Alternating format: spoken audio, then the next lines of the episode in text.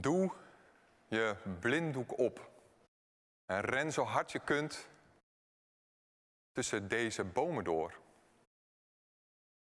Ik hoorde deze songtekst in het Engels en ik moest huilen. Ik ben geen huiler. Maar dit verwoordde precies hoe ik me voelde.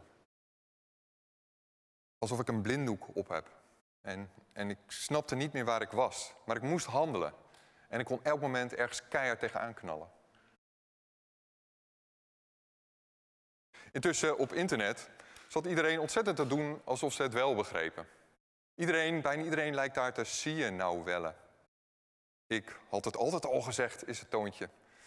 En dit virus bewijst weer eens mijn gelijk.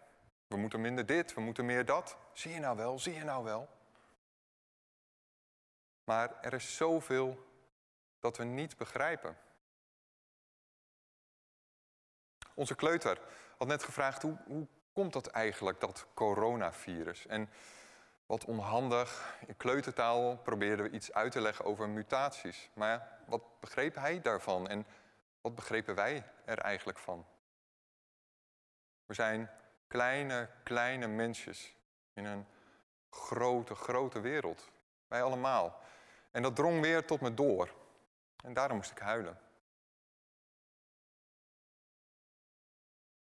Toen werd er gebeld. Hoe gaat het met je? Ja, goed, zeg ik. En ik begin te ratelen over alles wat we doen en alle plannen die we hebben.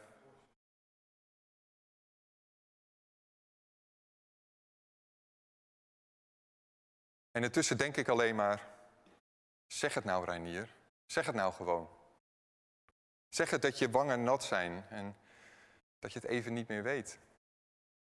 Maar ik zei het niet.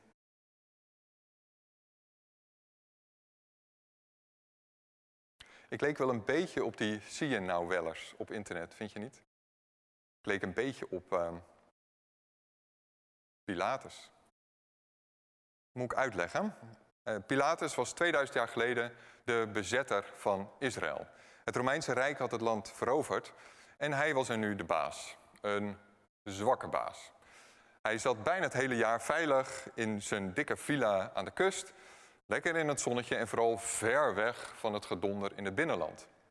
Maar één keer per jaar moest hij aan de bak. Want dan was het Pesach in Jeruzalem, het belangrijkste Joodse feest. En dan waren er altijd rellen.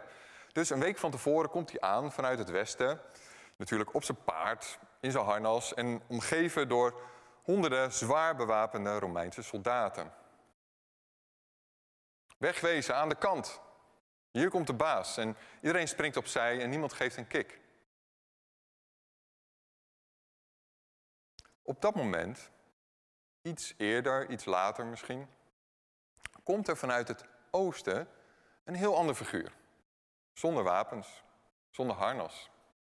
Op een ezel. Een ezeltje. Dus dat waggelt en dat doet en dat ziet er eigenlijk gewoon onhandig en een beetje knullig uit. Maar hier, aan deze kant van de stad, juichen de mensen. Dit willen we. Deze Jezus, dit is onze koning Hosanna. Dit is onze echte baas. En ze gaan zwaaien met palmtakken als een soort vlaggen. En daarom noemen we vandaag noemen we Palmpasen, want één keer per jaar, een week voor Pasen, dan denken we hier aan terug. En wat heeft dat met hier en nu te maken in deze wereldramp waar we nu zitten? Nou, als je opgroeide in het Romeinse Rijk, dan werd je verteld dat je nooit echt veilig bent. Uiteindelijk sta je er alleen voor. Zelfs de goden helpen je maar een beetje, want ook die zijn vooral druk met zichzelf. Dus toen Pilatus opgroeide, toen wist hij voortaan moet ik indruk maken.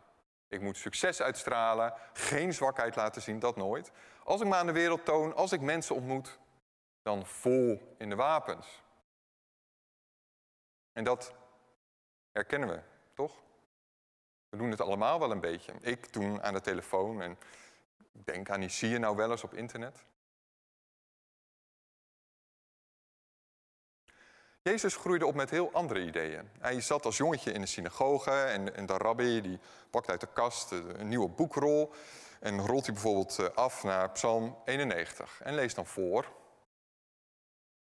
De Heer, bij de Heer ben je veilig. Hij is de allerhoogste God. De Heer beschermt je. Hij is een schild. Oftewel, rampen kunnen je treffen. Er kunnen verschrikkelijke dingen met je gebeuren. Maar uiteindelijk ben je veilig. Jouw diepste kern is beschermd. Jij kan niet kapot, niet echt, nooit. En wat doet dat met je als je als kind opgroeit met dat soort ideeën, als je dat meekrijgt?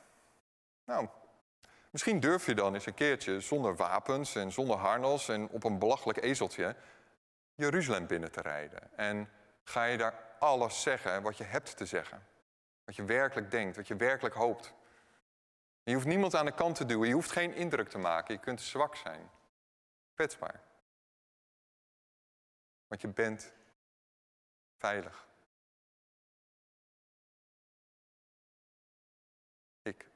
Weet het even niet meer. Ik voel me alsof ik een blinddoek op heb.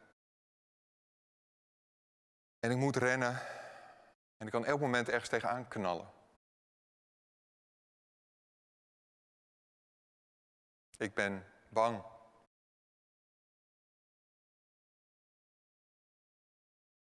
Ik voel me alleen.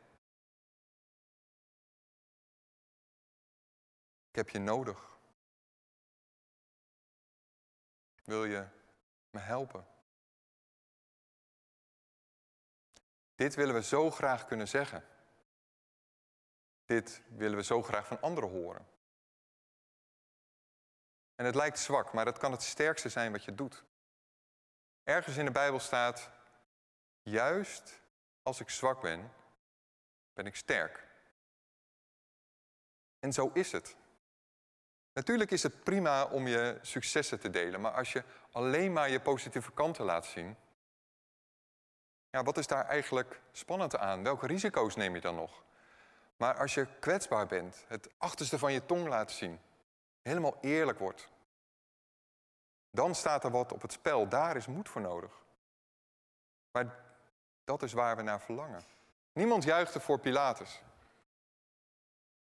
We juichten voor Jezus met zijn belachelijke ezeltje. Want we weten dat het daarom gaat. Natuurlijk is het prima om ook lekker oppervlakkig te kletsen en doe het, geniet ervan. Maar dat zijn niet de momenten die je bijblijven. Als je in je ziel laat kijken, als je deelt wat hier van binnen bij jou gebeurt, dan maak je contact. Dan raken jullie zielen als het ware elkaar. En dat zijn de momenten die je bijblijven. Daar gaat het om. Dat zijn de kostbaarste dingen in je leven. Dus laat je in je ziel kijken. Dat hoeft niet bij iedereen, dat hoeft niet elk moment. En alsjeblieft niet voor de bühne. Zo van, zie mij eens even ontzettend kwetsbaar zijn. Maar probeer eens echt kwetsbaar te zijn. Je kunt het maken. Want je bent veilig. Jouw diepste kern is beschermd. Jij kan niet stuk. Dus stap van je paard. Doe je harnas af. Leg je wapens neer. Want God is boven je. God is onder je. God is voor je. God is achter je. God is naast je. En God is in jou. Amen.